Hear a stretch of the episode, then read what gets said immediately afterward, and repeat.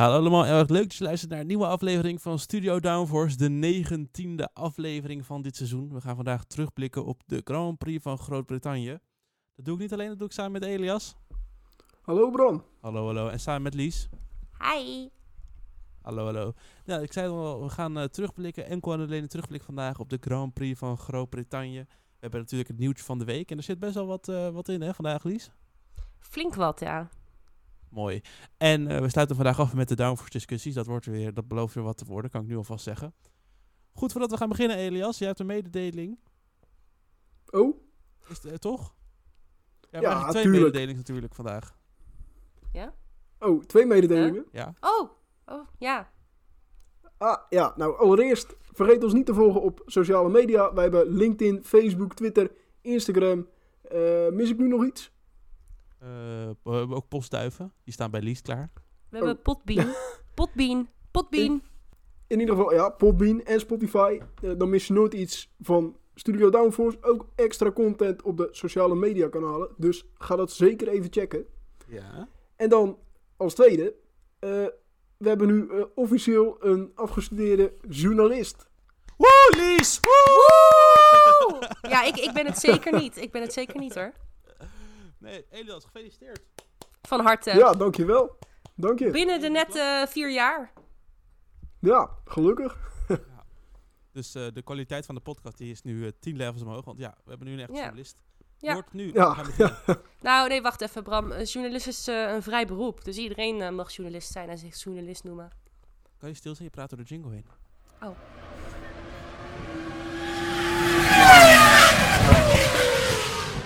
Ja, top. Ja, je had wel gelijk, Lies. Eh, vrij beroep, maar goed. eh, nu is hij daadwerkelijk een eh, goede journalist. Goeie. Geen, ja, geen journalist van een kopieer Formule 1 site. Goed, eh, de Grand Prix van Groot-Brittannië. Nou, la- la- nu ik toch bij jou in gesprek ben, Lies, wat vond je van de race? Vijf woorden. Eh, oranje wint altijd. Uh. Ja, sorry jongens. Echt, kunnen we dit van... Jihoe. Jehoe. Ja, ik, ik En bedoel je echt- met oranje McLaren? Ja, en Dus Max. papaya. En Max. Ach, houd toch op, man. Het is toch oranje? Goed, Elias, wat vond je van de race in drie woorden dan? In drie woorden. Opvallend spannende race. Heel goed, dankjewel. Eh Lies, zo moeilijk is het niet. Je geeft hem altijd makkelijke opties. Gewoon niet eerlijk. We moeten door. Voorspellingen namelijk, want die hebben we gedaan op studio.towers op Instagram het hele weekend. Kwalificatie kan ik heel simpel over zijn. We hadden allemaal verwacht dat Verstappen Pol zou pakken. Ja, van ja, McLaren hadden we niet verwacht dat zij 2 en 3 zouden halen. Deden ze wel. Eh, en voor de race had eh, ik twee punten. Elias één puntje. En eh, Lies ook twee puntjes. We hadden niet verwacht dat Hamilton eh, het podium zou halen dit Nee. weekend. En Elias had verwacht dat Norris derde zou worden en geen tweede. Ai. Goed, zo- Tot zover de administratie. Ik had al gezegd, na de Grand Prix van België maken we de balans op voor de, de eerste seizoenshelft. Eh, goed, we gaan beginnen met de terugblik. Dat doen we door te beginnen bij Williams. Misschien een beetje gek begin. Maar ze waren zo sterk in Silverstone dit weekend. In ieder geval de vrije trainingen. Ja, vooral Albon, eh, die was gewoon twee keer tweede. En nee, één- twee keer derde en één keer tweede in de vrije trainingen, geloof ik. Ja, maar goed, dat zelfs Sargent Q2 haalt en bijna een punt scoort. Dat geeft aan hoe sterk de Williams was. Dat het zelfs teleurstellend was dat Albon P8 stond in de kwalificatie. Dat zegt toch eigenlijk Ja, al genoeg. ja. Dat was zo bizar dat we allemaal zo zaterdag zaten van, ah wat kut. Terwijl het gewoon Ja. een briljante prestatie was. We hadden echt gehoopt dat die Williams gewoon in de top 3 zou staan. Ja, dat wel. Dat wel. Maar eh, het maakt niet, neemt niet weg dat de McLaren's net zo mooi is hoor. Ja, daarom. Goed, dan een coureur die we ook hadden verwacht in de top 3, maar niet eens Q3 zagen halen. Perez, vijfde race op rij. Ehm, was vanwege de regen in Q1, want de banden kwamen niet, waren niet warm. Maar goed, je zit in een fucking Red Bull, dan moet je toch beter. Mm, nou, het waren wel lastige omstandigheden. Moet ik zo waar Red Bull, zeggen. Je bent Perez. Maar je zit in een Red Bull en je bent Perez. Ja, nee, ik serieus, ik begon mijn zin en ik wist niet hoe ik hem moest afmaken, dus je hebt gelijk. ik wilde dus, nog eh, wel iets zeggen, maar... Voor de vijfde race op rij veroordeeld tot een inhoudrace. Wie Ja. dat niet waren, zou, je zei het al Lies, McLaren. Dus die werden steeds sterker, sterker in de kwalificatie. Eindigden met een top 3 finish voor... Nou, Norris hadden we misschien wel verwacht, maar dat Piastri er ook zou staan. Dat denk ik Ja. niemand verwacht. Nee, nee, nee. En eh, Verstappen die zijn laatste rondje in Q3 echt nog wel even aan moest zetten. Want Norris had anders gewoon pol gehaald daar, hè? Toch ook Ja. eh, bizar. Dan hadden we Lando Norris pol gehad in Engeland. Nou, Ik vraag me echt oprecht af. Ik hoop dat ze dit kunnen doorzetten. En ik vraag me gewoon af wat voor, wa- wat voor upgrades ze op die auto hebben geschroefd. Want we hebben het, dit is gewoon een seconde of zo hebben ze gewonnen, hè? Ja, ja. ja, dat het is echt grote bizar. Ja, maar weet je, die, die teams achter Red Bull, Aston Martin, Mercedes, Ferrari en nu dus ook McLaren, die zijn echt ontzettend wisselvallig. De ene keer is Ferrari het snelste team achter Red Bull, de andere keer is het Aston Martin, de andere keer eh, Mercedes en nu opeens McLaren. Ja, ik, ga ik ga toch zeggen, en ik weet dat ik dit dit weekend over de WhatsApp ook al heb gezegd. Hoe leuk was het kampioenschap geweest als Verstappen gewoon niet meedeed? Ja, eh, wie, wie had je dan een kop gehad? Die had, eh, ja, nou, dat is dus de hele vraag. een Had je vier teams maar- gehad en waar elk weekend hadden anders kunnen sneller was. Ja. dan had je, het, e- had je de start van het seizoen had je eh, Alonso die eh, op weg leek naar een heel dominant seizoen. Toen kwam in één keer Mercedes boven. Toen Ferrari die ook nog even een aantal races heel goed presteert. En nu heb je in één keer op McLaren heel goed scar.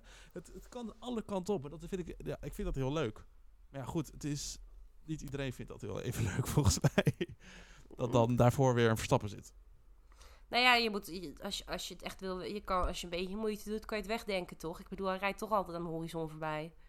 Ja, misschien moeten we vanaf nu een P2, P3, P4 voorspelling gaan doen. Ja, serieus. Nou ja, het is eerlijk, is eerlijk. Dit jaar was, is voor ons wel heel makkelijk puntjes pakken met de voorspellingen. Ik Ja, weet ook wil daar zeker dat we meer hebben, punten maar ik denk, dat dan... ik dat, eh, ik denk dat ik dat even aan het einde van de aflevering doe. ja, oké. Eh, want we gaan nu even terugblikken op de race. Dat was namelijk eh, wat, wat we hoopten dat zou gebeuren. Gebeurde ook echt. Norris die had een mega start. Piastri nog beter trouwens. Maar Ja. Norris die pakte Verstappen in de eerste bocht. Piastri bijna ook. Moest genoeg nemen met P3. Maar ja, die, eh, dacht, we dachten allemaal over Verstappen. Die vliegt voorbij met ronde 3, eerste ronde DRS. En die eh, zien we aan de horizon verdwijnen. Maar de eerste 10 rondes bleven die McLaren's gewoon er nog bij. In de buurt, in de DRS-zone. Ik wist echt niet wat ik meemaakte. Nee, ik, eh, ik ook niet. Het was echt alsof ik aan het dromen was. Ja, eh, toen eh, Verstappen eenmaal aan de leiding reed na de openingsfase, werd het wel wat saaier. Toen werd het weer wel. realiteit. Ja, precies. Je had nog steeds wel de gevechten tussen eh, Ferrari en Mercedes. Maar ja, heel leuk was dat niet. Totdat eh, de haas alweer zei, boem, plaf, klets, klaar. de motor van Magnussen hield deze, deze keer mee op. Gebeurt ook wel vaak daar. Enige team, hè, echt met motorproblemen zo op deze manier. Nou, sterker nog, ik eh, zou als ik Gunther Steiner was met het bonnetje teruggaan. Of lekker bij Red Bull aankloppen. Ik- Het zijn ook elke keer de satellietteams hè, van Ferrari. Ja. Elke keer de, te- de klantenteams van Ferrari die problemen hebben met de, met de motor. Ja, ja, ja. Ook Alfa Romeo. Mhm. En nu Haas. Haas, weer. inderdaad ook, ja. Het is niet best. Ja. Het is niet best. Het is ook gewoon stom voor die coureurs, weet je wel. En, en voor het team en voor iedereen die zo hard werkt. Eh, dan zie je opeens gewoon elke race zie je een motor. En ook niet echt aan het begin van de race, maar gewoon halverwege of richting het einde zie je hem uitvallen. Is toch lullig? Ja, ja, ja. Maar goed, het leverde wel een safety car, maar dat was dan weer fijn voor de rest van het veld. Want het zorgde voor opschudding. Ja, Behalve en voor hele Piastri. verschillende strategieën. Ja, Die Piastri die was ervoor al naar binnen geweest. Die dacht, kut. Ja, ja, ja. Maar goed, het Ja, leverde wel balen. hele verschillende strategieën op. Want je had P1 op de zachtste band, je had P2 op de harde band, je had P3 weer op de zachtste band, had je P4 op de hardste band, zeg ik het goed? Ja, toch? Had je daarachter weer Ja. Op de mediums. Het, het- alle banden waren, waren vooraan aanwezig. En dat is al heel goed, denk ik. Ja. Goed, dankjewel voor deze bijdrage. McLaren's, die zat dus beide op de hardste band. Leek, dachten we echt even van, ja, hier gooien ze het weg en de Mercedes gaan bij het podium op. Maar eh, na drie rondjes aanzetten wat die zachte band gewoon op, leek het wel bij Hamilton. Ja, Elias, zeg ook eens iets. Oh, eh, ja, die band leek wel echt, eh, leek wel echt op, ja. Bij eh, Hamilton. Aan het einde van de race, inderdaad. Eh, maar dat zag je ook, dat vond ik ook wel opvallend, dat zag je ook bij de Formule 2 gebeuren, hè? Ja? Dat was toen met Arthur, ja, met Arthur Leclerc. Oh ja. Die eh, ging toen in zijn laatste stint, eh, de laatste tien ronden denk ik ongeveer, ging die op de zachte band rijden. Op de zachtste band. Eh, en hij zakt, ja, in het begin was hij snel. En zette die aan en zette die volgens mij, ik weet niet meer wie die onder druk zette, maar het was wel voor een podium. Vocht hij daar dus mee. En in één keer kakte hij helemaal in. Ja, echt, die is echt bijna uit de top 10 gedonderd Oh, gewoon. Dus. Daar ook weer, ja, daar zag je dus ook weer die bandensluitage enorm in de Ja. laatste fase van de race en de zachtste band. Ja, en Verstappen ook op die zachtste band. Wist uiteindelijk wel dus te winnen. Comfortabel ook uiteindelijk toch wel. Ik bedoel, weet je, hij, zei, hij liep over de boordradio dat de banden niet goed waren. Maar het was een goede, comfortabele overwinning. Ik heb even een lijstje gepakt. Verstappen, het seizoen 10 races zijn we nu bezig. Hebben we gehad. Hij heeft acht keer gewonnen, 10 keer op het podium, 7 keer pole, 255 punten, 5 keer de snelste raceronde, 1 Grand Slam en 467 rondjes aan de leiding gereden. Ja, Jeetje. Ter vergelijking, we, zijn, we hebben 10 races gehad dit seizoen, hè? Ja, heeft ik, I know. Evenveel pole positions als afgelopen jaar. Oh hij heeft nu al evenveel snelste rondes gehaald als afgelopen jaar. Hij is nog maar 140 punten verwijderd van, eh, of 140 rondjes verwijderd van het aantal ronden dat hij geleid heeft afgelopen jaar. Nou, dat heeft hij misschien wel voor de zomerstop al gehaald. Oh nee, dat is niet waar. We hebben Spa, dat is maar 44 rondjes. Maar goed, dat zal hij misschien wel eens antwoord halen dan als alles mee zit. Hij is minder dan 200 punten verwijderd van zijn eh, puntenaantal vorig jaar. Ja. En hij kan dus nu overal tweede worden en nog steeds kampioen worden. Die marge heeft hij nu al. Op de Ja. sprintraces na, geloof ik, hè? Dan, min, dan komt hij nog een puntje tekort. Ja, maar ja, maar ja. Maar het sprintraces. idee, het i- we snappen allemaal het idee. En het is natuurlijk eigenlijk gewoon bijna belachelijk saai. Maar ik vind het prachtig. Ja, nou, en om het nog saaier te maken. Red Bull heeft ook zijn elfde zege op een rij. Ik las iemand die op Twitter zei... Hadden ze maar niet gefukt met de strategie... of met de setup in, eh, in Brazilië, Brazilië. dan hadden ze nu een jaar lang aan zegen gehad. Zo, ja, wow. Kunnen we nog aandelen kopen, denk je? nee, maar wel misschien een stoeltje. Want ik heb gehoord dat het nieuwtje van de week iets over stoeltjes is bij Red Bull. Oh ja, Ja? Zullen we daar nu heen gaan? dat kan. Ik hoor hem aankomen. Hoor jij hem ook? Ik hoor hem in de verte. Is dit het... Het nieuwtje van de week, week, week. Ja, dames en heren, daar ben ik. Eh, en dat betekent meestal dat de studio Downforce Curse eh, officieel weer gevloekt is. En eh it happened. Want in het stukje wat nu in de podcast gaat komen, gaan we het hebben over eh, de Vries. Een onderwerp waar ik het eh, liever altijd niet over wil hebben. Eh, maar hij zou mogelijk zijn stoeltje kwijtraken. En dat is nog geen 24 uur na de opname van deze podcast gebeurd. Ehm, hij is per direct ontslagen. En Daniel Ricciardo zal per volgend weekend, dus dan de race van de Grand Prix van eh, Hongarije, zal hij het stoeltje officieel gaan overnemen. Dus eh, jullie gaan nu luisteren naar eh, kansloze informatie. Maar veel plezier. Ja, het is het nieuwtje van de week. Ehm Lies, take it away zou ik zeggen. Ja, ik moet hier even mijn keel eh, voor vrij schrapen. Oh. Ik had, ja, dit is eigenlijk, ik, ik heb dit onderwerp praktisch gevetood vorige week.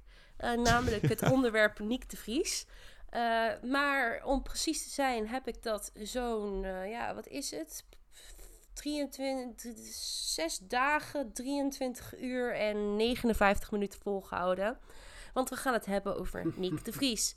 Eh Nick de Vries, afgelopen weekend stond hij, ja, wat was het? Ik weet niet eens, 18 of zo.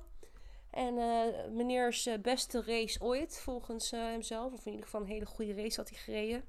Ehm, het is niet helemaal zijn schuld trouwens, want eh, hij mocht ook niet Tsunoda inhalen van Alfa Tauri. Dus ze hebben die jongen niet eens echt een kans gegeven om iets te proberen. Maar het was natuurlijk wel weer genoeg om de geruchten te laten spelen. En de geruchten die speelden eigenlijk afgelopen week al. Is, eh, wat hoorde ik nou bij het racecafé van ons, eh, wat is het, Jack Ploy denk ik? Is Jack Ploy of Ja. Olaf Mok? Hou ze altijd door elkaar. Maar een van Of de twee. Ploy. Jack Ploy die, komt, die kwam opeens met, joh, ze gaan niet de Vries gaan ze eh, in september gaan ze hem vervangen. Want in september loopt eh, het IndyCar seizoen af.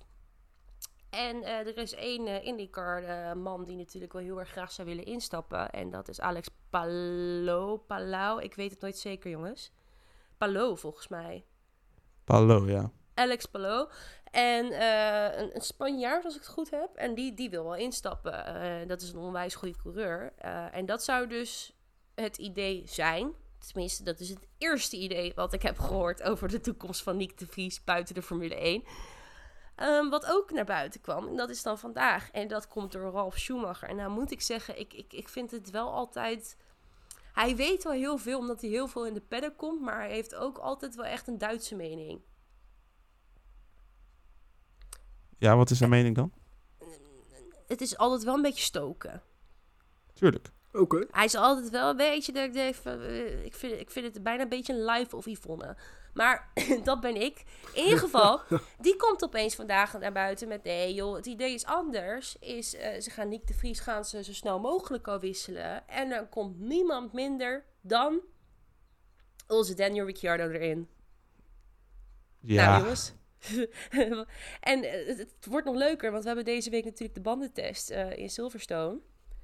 En eh, daar gaat Ricciardo ook testen. En ik geloof dat ze dan stiekem wel even naar de data gaan kijken. Nou, we weten ook dat Ricciardo anderhalve maand geleden eh, het stoeltje heeft gepast. In principe kunnen ze die switch gewoon voor Hongarije maken. voor Hongarije al. Gaat- Ja. Maar gaat het gebeuren? Dat weet ik niet. Ja, weet je, als ze er zeker van zijn, dan gaan ze het doen. Dan gaan ze niet nog langer wachten. Ik denk dat ze die zomerstop er wel pakken hoor. Dat is logisch punt. Ik, ik, ik, betwijfel. Want als je voor op de zomerstop wacht, dan kan je net zo goed op Palo wachten. Ja, maar Ja, het probleem met ja. Palou is, en dat is niet zozeer dat Palou geen slechte coureur is, zijn eerste Grand Prix, ik heb even naar de kalender gekeken, zou dan de Grand Prix van Singapore zijn. Nou, nu zijn er veel races waar ik als, als ik een race zou willen rijden, waar ik mijn debuut zou willen maken. Maar niet Maar Singapore. is niet de race waar ik mijn debuut zou willen maken als Nee, Formule 1 Dat coureur. is echt, dat wordt je dood, denk ik. Dus ik snap Ja, de dat is echt geruchten. een vuurdoop. Alleen de zijn laatste IndyCar race is 10 september.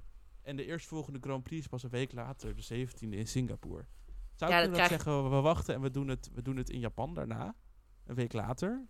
Nou, Japan is ook wel een lastige baan hoor. Ook een technisch eh, lastige eh, baan. ja. Zwaar ook qua, eh, qua downforce, qua krachten natuurlijk. Geen krachten die vrijkomen daar. Ja, ja, of Qatar, dat is dan de race daarna, maar die is dan in ok- oktober. Nou ja, Ik ik denk als dat- ik het dus dat- zo hoor, dan denk ik dat Ricciardo de meeste kans maakt nu. Ja, En Ricciardo heeft wat dat betreft ook niks te verliezen, hè? Want hij heeft alles al verloren. precies. Dus Ja, dat dat- is weer iemands carrière die niet naar de kloten geholpen kan worden bij AlphaTauri. En daar ben ik op zich wel voorstander van. Al ben ik geen voorstander van het feit dat er gewoon weer geen jong talent in komt. Ja, maar dat komt dan misschien wel in de winter. Dat mag ik hopen voor ze. Anders dan krijg je me dan wel te horen in de podcast. Nou, kijk er nu al naar uit. Goed, en misschien behandelen we het dan wel in de volgende rubriek, namelijk de downforce discussies.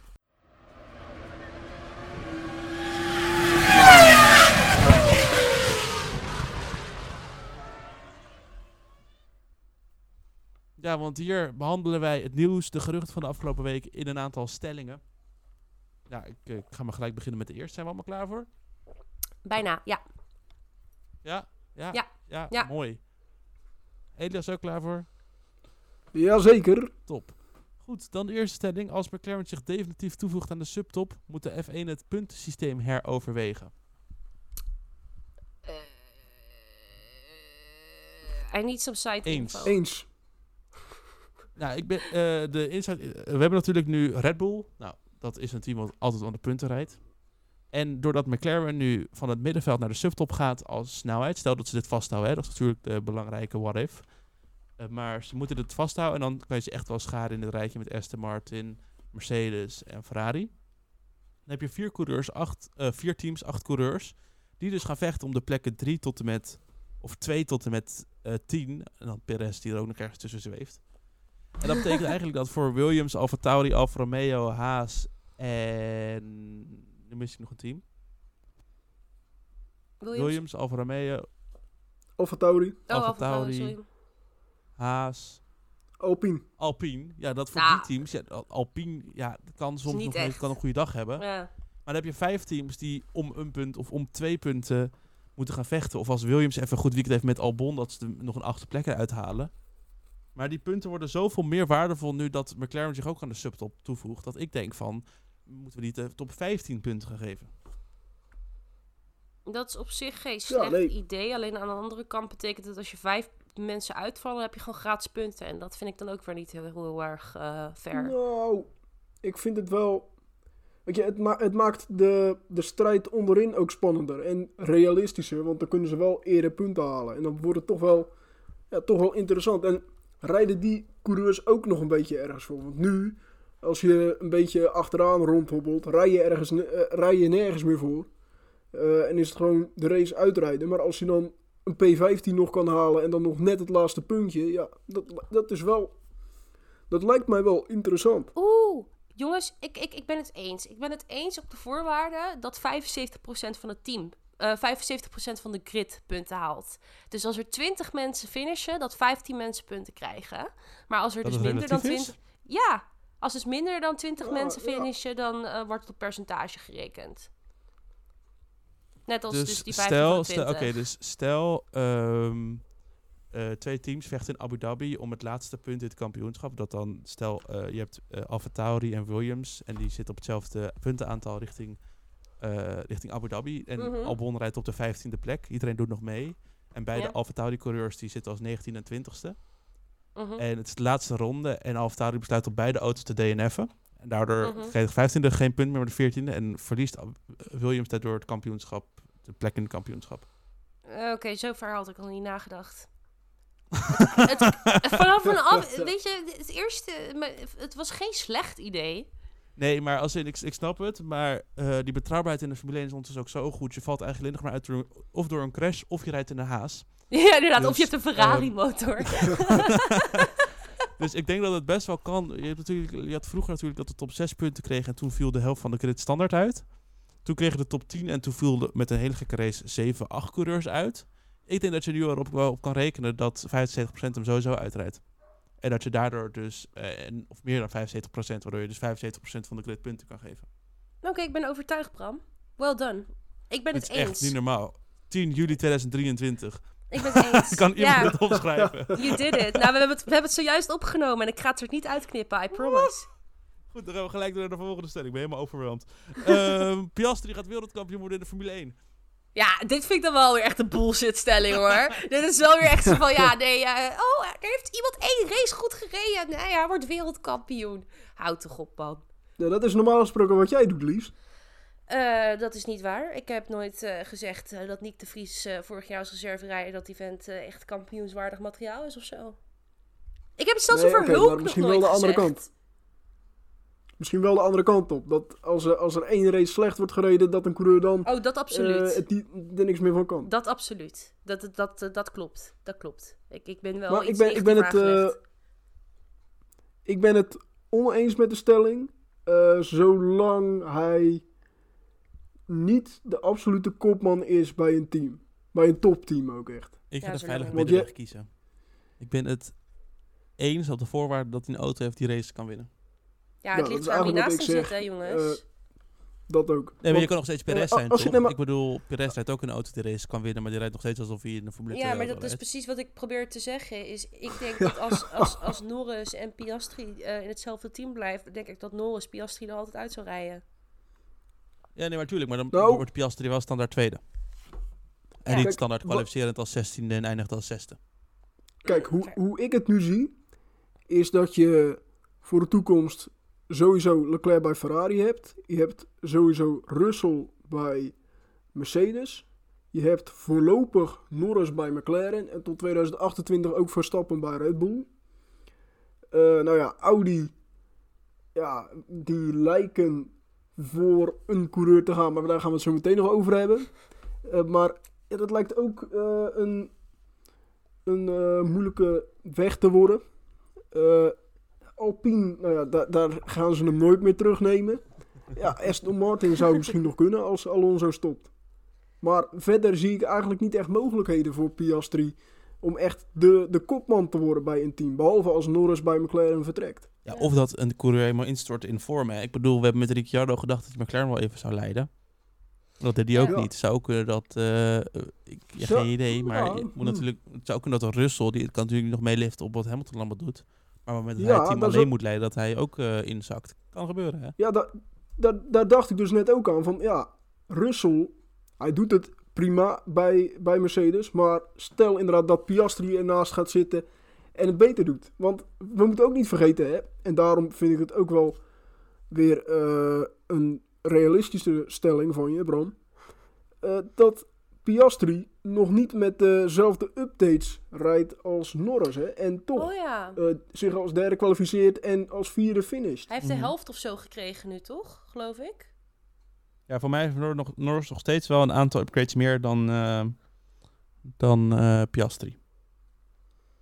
Dus in dat opzicht ben ik het misschien wel met je eens dat hij in potentie zeker mee kan doen voor eh, het wereldkampioenschap.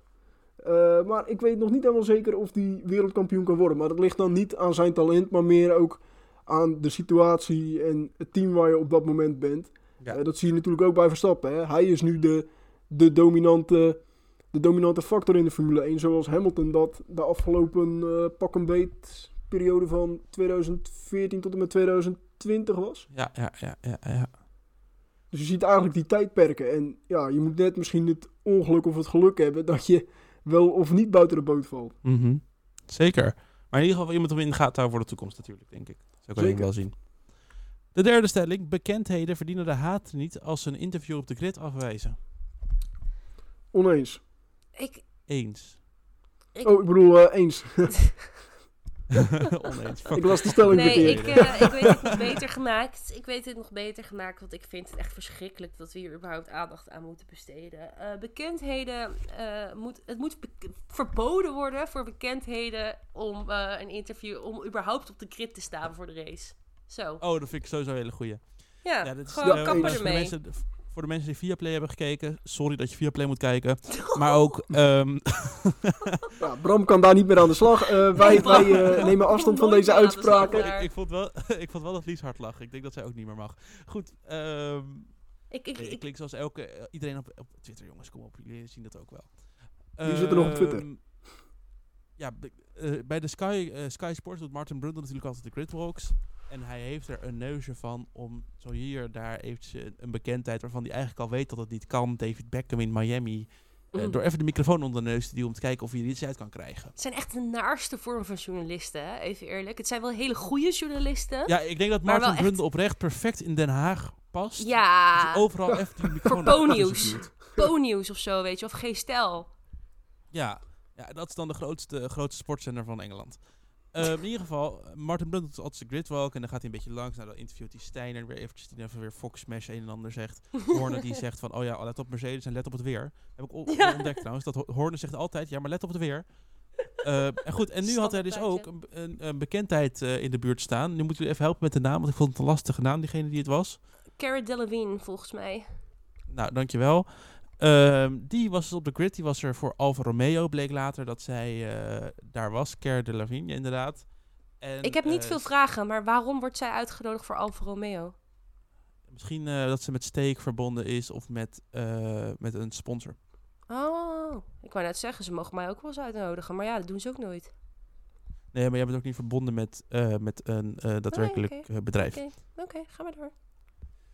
Maar goed, eh, ze was een jaar lang stil op, eh, op eh, social media en toen liet ze maar even van ze horen omdat er in de F1 gedoe was. Zij was namelijk gevraagd voor Martin Brundle wat ze vond, wat ze vond. Ik weet niet eens wat ze gevraagd is, maar in ieder geval wat ze verwacht van de race of Nee, zo, het- denk ik. nee, het was nog niet eens een vraag. Het was, de vraag was of, of, of, of die een vraag mocht stellen.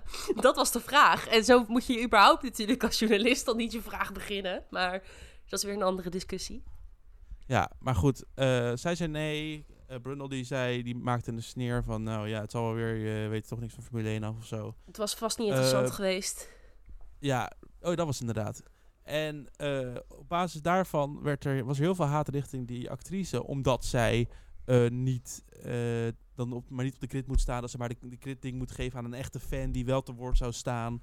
Dat ik denk van, je wil ook geen echte fans daar hebben. Eerlijk, kom op. Nee, dat wil je ook toch- niet. Want die, die, had, die had het hele, eh, de hele auto mee naar huis voordat hij Ja, de precies. Die auto had een stukje gereden. voorvleugel afgebroken. Ja, echt hoor. Maar goed, daardoor is nu dus discussie van waar ligt die grens tussen mag je iedereen gewoon zomaar wat vragen op de grid en mag je dat dan afwijzen, ja of nee? Ja, ik weet, voor mij staat ergens in de reglementen dat je wel toestemt dat je eh, gefilmd mag worden, maar niet dus dat je vragen gesteld mogen worden. Die eh Carl de Lavigne, eh, Lavigne is gezegd tegen haar vanuit Formule 1, eh, er kunnen dingen gevraagd worden aan jou op de grid. Je mag zelf kiezen of je dat wel of niet wil. Ja. En dan mag je ook kenbaar maken, want daar hebben we het verleden gedoe over gehad. En ze zei nee. Nou, en eh, de comments die waren onder andere... It's a shame that she was so rude. Uh, who is she even anyway? Eh, wat hadden we hier nog meer? Focus on your fans and not celebrities. Trying to get cloud for being at the event. Ja, maar voor die, die ene, daar heeft Alfa Romeo nog op gereageerd, hè? Ja, Dat vond ik helemaal respect, prachtig. Respect goes both ways. Dus respect komt beide kanten op. Niemand eh, moet in een oncomfortabele situatie geplaatst worden... of geforceerd worden om dingen te doen tegen hun wil in. Ja. Nou, en daar hadden ze gelijk... eh, hebben ze echt gelijk mee. Elkaar het... ehm, geratioed op Twitter trouwens, wel grappig dan weer. Ja, leuk. Ehm, Conclusie is dus wel gewoon van altijd gewoon die bekendheden gewoon verbieden. Gewoon Ja, maar ze mogen echt wel door de pitlane lopen van mij. Ze mogen ook echt wel bij het team zijn om die race te kijken. Op de grid vind ik inderdaad weer wat anders. Maar ja, goed, wil je dan helemaal niet? Weet je, er zijn ook genoeg celebrities, Gordon Ramsay en zo, die echt heen gaan, het echt leuk vinden om daar te zijn en op die Ja, grid te maar moet je ze echt- vragen stellen? Dat, wat, wat voor toevoeging heeft het voor de sport? Is dat je celebrities die daar zijn vragen gaat stellen. Dat snap ik gewoon niet. Precies. Ja, dit soort Precies, momenten. ik- Nou, Ja, maar Ik- daar doet hij het dan ook vo- voor waarschijnlijk. Dat, de afwijzing. Dat geeft voor leuke televisie. Ja, dat wel. Maar ik vind dat je gelijk hebt, Lies. Wat hebben wij als Yes. kijker er nou aan als een beroemdheid of een bekende acteur, eh, zanger, eh, zangeres, eh, in ieder geval een beroemdheid als een beroemdheid wat over Formule 1 gaat zeggen. Nee, we willen juist van de coureurs wat horen. We willen juist van de teambaas wat horen of de, de, de, degene van de strategie. Eh, maar niet van een beroemdheid die alleen kan zeggen: Oh ja, ik vind het zo geweldig om hier te zijn. Eh, ik geniet er echt van. Eh, ik mag hier wel lekker dicht bij de auto zijn en jullie niet. Haha. Eh, dat soort teksten. Ja, Weet je, daar schiet je niks mee op. En dat is gewoon ja, leuk voor één race. Maar dat hoor je nu dus elke race dan. Want ja, omdat, eh, het, is, het is gewoon een herhaling van zetten. Eh, ja, van dezelfde laken een pak. Mhm. Ja. Ja, ja. Daar heb je helemaal gelijk in. Dus eh, we gaan zien hoe ze dat gaan doen in Hongarije. Wie er dan eh, op de grid staan of niet. Of hoe ze dat gaan doen. Misschien dat Brundle wel tegen die tijd een reprimand heeft gekregen. Zou ook kunnen? Om te zeggen van, je moet gewoon even je tanden, handen afblijven van celebrities die jou toch eigenlijk niet boeien. Vraag maar gewoon de grid eh, teambazen en daar doe je het maar mee.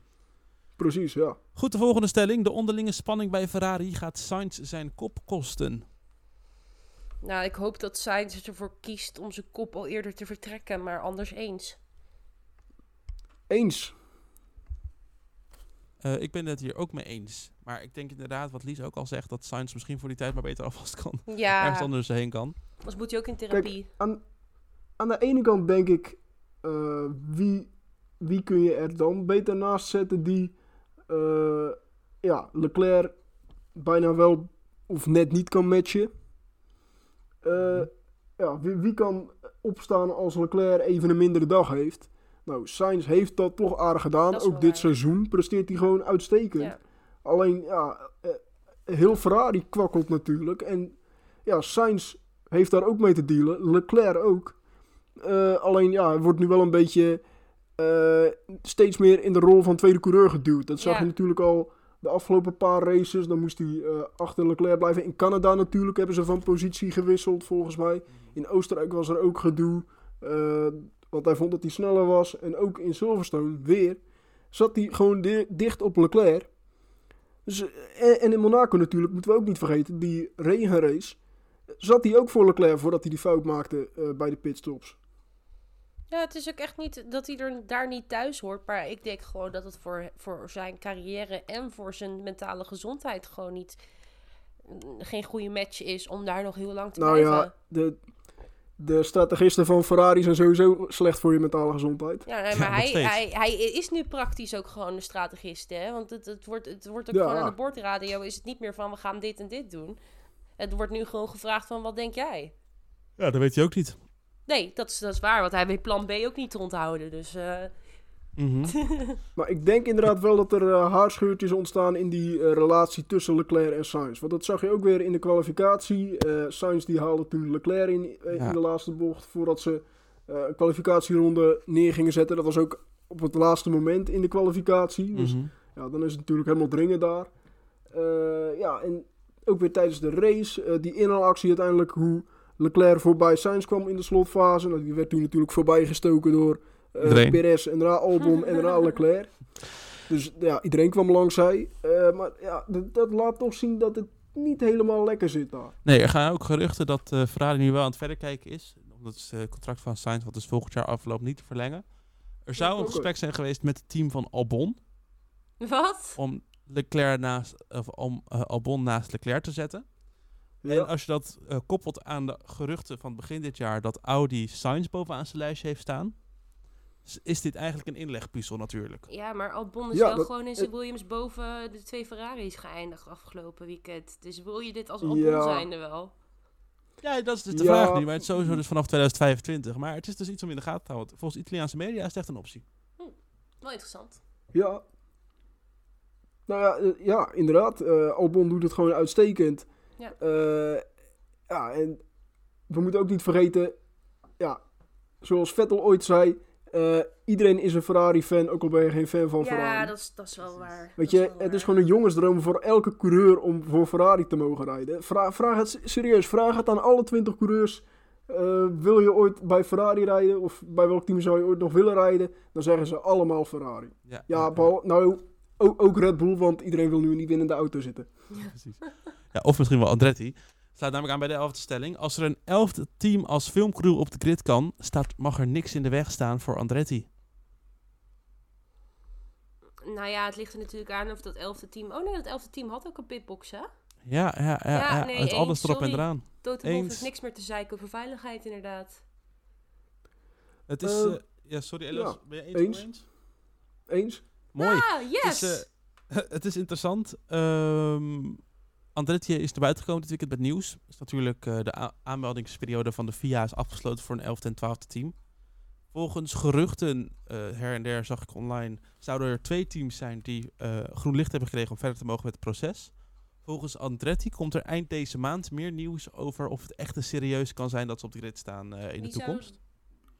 Oh, en Die twee teams, nou Andretti is er waarschijnlijk één van. Dat is bijna een zekerheid, want die zijn er zo vocaal over geweest. Daar hebben, we de, eh, daar hebben we de factures online van gezien zelfs. Ja, dat is Dus waar. die, die waren ook echt al bezig met de werving van personeel. Ja, dat tweede team, er wa- was een eh, team uit Azië. Er Oh, was ja, Hightech, GP. We hebben een team gehad wat eh, man-vrouw equal wilde hebben, volgens mij ook nog als personeel. Er waren een aantal teams die een beetje speldenprikjes uitdeelden van... ligt idee goed in de media en bij de fans? Hm. Eh, maar Andretti was echt de enige heel serieus. Dus dat is denk ik wel sowieso een zekerheid. Het- Dus het tweede team nog even de vraag. Maar eind deze maand, waarschijnlijk rondom de Grand Prix van België, verwacht ik, eh, eh, tenminste is dan de verwachting, dat er nieuws is. En ik denk inderdaad als een elfde team als filmcrew op, door de pitlane mag lopen, eh, de auto's gewoon op de grid kan zetten en gewoon mee kan gaan in het dagelijkse her, her en doen van de Formule 1, denk ik dat, er, dat het gewoon vooral hoog eh grootspraat is van Wolf, dat er te weinig ruimte is, dat de veiligheid in bedwang komt als er een elfde team bij staat. Ja, gewoon een beetje classic Mercedes zeiken. Precies. Goed, dan de laatste stelling. De straf van Stroll, wat geen straf was, had een straf moeten zijn. Ja, hartstikke eens! Voor wie het Ik- nog ik niet weet. Ik Sorry. klink net een Belg, zoveel straf dat ik zeg. Nou ja, jullie, jullie zijn het ehm, ook met mij eens. Dus dit, dit, dit hoeven we niet eens te doen. Want jullie zijn het gewoon met me eens. Iedereen is het met mij eens. Jongens, ik vertel. weet niet of jullie het gezien hebben. Maar eh Stroll die was aan het vechten met Gasly. En op een gegeven moment tikt hij er natuurlijk af. Bam, suspensie kapot. Daar heeft hij vijf seconden straf voor gekregen. Maar daarvoor haalde Stroll Gasly ook gewoon met vier wielen buiten de baan in. En moest hij dus eigenlijk, zoals wij dat allemaal weten, de plek teruggeven. Want dat is leaving the track and getting an advantage. Vervolgens was hij under investigation daarvoor. En hebben de stewards no further action besloten. Maar ze hebben hem daarna wel nog een black and white flag voor track limits gegeven. A.k.a. je was inderdaad Ja. buiten de baan. Maar je krijgt geen 5 seconden straf. En je mag de plek houden. Dat is toch gek? Ja. Welkom to my TED Talk. ja, sorry hoor. Dit is toch gek? Ehm, het is inderdaad merkwaardig. Ja. Ik eh, probeer even op te zoeken over. of er... Was er no investigation necessary? Of was het... ehm, Oeh, dat weet ik niet. Of het no No, investigation necessary nee, was of no further action, volgens mij. Ja, nee, precies. Want dan zou het kunnen dat er een officiële verklaring is van de VIA die, eh, heeft, die st- waarin staat dat het... ehm, Oh, ja, dat weet ik eigenlijk niet. nee, die is er niet, helaas. Sorry. Oh. nou ja, maar dit, dit is iets waar ik... eh, kijk, weet je, er valt toch niks meer te protesteren. eh, want ze zijn uitgevallen uiteindelijk, eh Alpine. Maar ik, ik, Ja. ik vond dit, weet je, dit was niet consequent. Als je gaat kijken naar hoeveel track limit straffen er voor, de twee weken geleden, vorige Ik week denk- zijn gevallen. Ja, ik denk dat de afweging was dat eh Gasly ook op de, op, de, op de curb zat, waardoor Stroll, er, waardoor Stroll naar buiten werd geduwd. En, als we, en ja, ik weet dat we daardoor meten gaan meten twee maten, maar we hebben ook gezegd dat we heel graag willen dat de track limits niet het race moeten beïnvloeden. Dat als we voorbeelden van track limits laten zien, dat we dan laten zien Massa en Kubica die elkaar honderdduizend keer van de baan duwen en track limits eh, geen rekening mee houden in de regen. Dus ik kan me voorstellen dat, via, dat stewards hebben gezegd, nou ja, hij was buiten track limits. Prima, Maar maak hij- het dan bekend. Maak het dan ook voor ons als kijker bekend. Zodat het Ja, voor no further investigation. en voor Nee, maar van tevoren bedoel ik al. Dus wat bijvoorbeeld bij die drivers briefing gezegd wordt over track limits, maakt dat van tevoren dan al bekend. Dat wij als Maar- zowel ervaren als niet ervaren Formule 1 kijkers ernaar kijken en het snappen. Want nu denk Maar is toch bekend dat door force majeure, of hoe je dat ook zegt, door eh, andere coureurs, als je dan van de baan wordt geduwd, dat het dan teruggedraaid kan worden, die track limit. De wat, hè? Dat er, dat er dus per, dat is dus waarom het ook in Oostenrijk zo lang duurde, er moet per track limit waarschuwing, of per eh, alarm van het systeem van track limits, moet er gekeken worden. Was dit omdat hij gewoon snel ging, of was er een coureur die hem, die daarnaast zat, waardoor hij niet meer terug kon komen op de baan? Nou, ik eh, in dit geval, maar het gaat, het gaat natuurlijk ook niet om de track limit. Het gaat natuurlijk ook om de andere overtreding, namelijk gaining the track and leaving advantage. Dat is eigenlijk Nee, dat, meer. dat, naar- die, die, dat was die vijf seconden straf die hij heeft gekregen. Nee, die vijf seconden Nee, straf die hij heeft dat- gekregen was voor de suspensiebeuk. Ja. Ja, voor de botsing. Precies, daarvoor. Maar ging levering de training advantage is dan, is dan de, de inhoudactie. Ja, dat was Ja. de inhoudactie buiten de baan. Daarvoor. Maar dus ook, het was dus ook track limit. Maar eh, ging die, eh, sorry, ik heb, ik heb de beelden niet voor me, maar ging dit niet ook niet door tot de chicane? Nee, dit was, dit was later die- in dat een was die andere latere. ronde. Dat is die latere. Inderdaad, waar jij ook het nog over... leaving the training advantage gehad. Ik dacht dat, het over dat we het hadden over het punt in Kops, waar die, eh, of eh, dat punt waar die richting de pitlane als het ware, die bocht. Ja, je bedoelt echt recht voordat hij de suspensie brak. Ja, maar die bocht, daar hebben ze toch eerder dat ze naast elkaar zaten en dat Stroll net buiten de baan schoot omdat Gasly zo... Ja. Ja, Ja, nee, we dat was, het dat was inderdaad de inhaalactie. Dat was de track limit. Alleen later beukte die inderdaad eh Gasly een paar ronden Ja, precies, later. die vond ik een straf. Ja, en daar kreeg Dat hij ook een straf straf. voor. Ja, maar wat is dan, waar kreeg je dan geen straf voor, waar hij wel een straf voor moet krijgen? Eh, eh, De track limit. Voor die Omdat hij inhoudactie. de positie niet terug hoefde te geven. Nee. Ja, ja, nee, ja. Bij de inhaalactie, ja. ja. Ja, maar dat is toch omdat gewoon Gasly hem naar buiten liet lopen en dat ze dan naast elkaar zaten met de wielen? Nee, hij had echt nog zat ruimte. Niet waar. Jawel, hij had echt eh, hij had zat ruimte. En hij, werd echt, hij ging echt vol buiten om eromheen. Vanuit Goed, mijn wil je nog meer van deze discussies horen? Eh, Volgens Ja. Studio Downforce. precies. Ja. Goed, voordat ik nog ga afsluiten, Elias, heb je nog een bericht aan onze luisteraar? Ja, eh, volg onze sociale media kanalen op Facebook, LinkedIn, Twitter en Instagram. Daar kun je ons volgen op studio.downforce. Je kunt ons ook volgen op Podbean en Spotify. Dan mis je nooit meer een nieuwe aflevering. Zo is dat. Wij eh, zijn volgende week terug. Dan gaan we vooruitblikken op de Grand Prix van Hongarije. Één na laatste race voor de zomerstop. Ja, ja. Kan Red Bull eh, een nieuw record neerzetten? Dat is natuurlijk de vraag voor aankomende week. Eh, Twaalf race overwinningen op een rij. Dan kan Verstappen zijn reeks van zes naar zeven uitbreiden. En dan komt het kampioenschap toch wel heel dichtbij. wel heel, heel dichtbij op een gegeven moment. Nu al. Goed, ja, nu al. We hebben nog geen zomerstop. Oké, tot volgende week.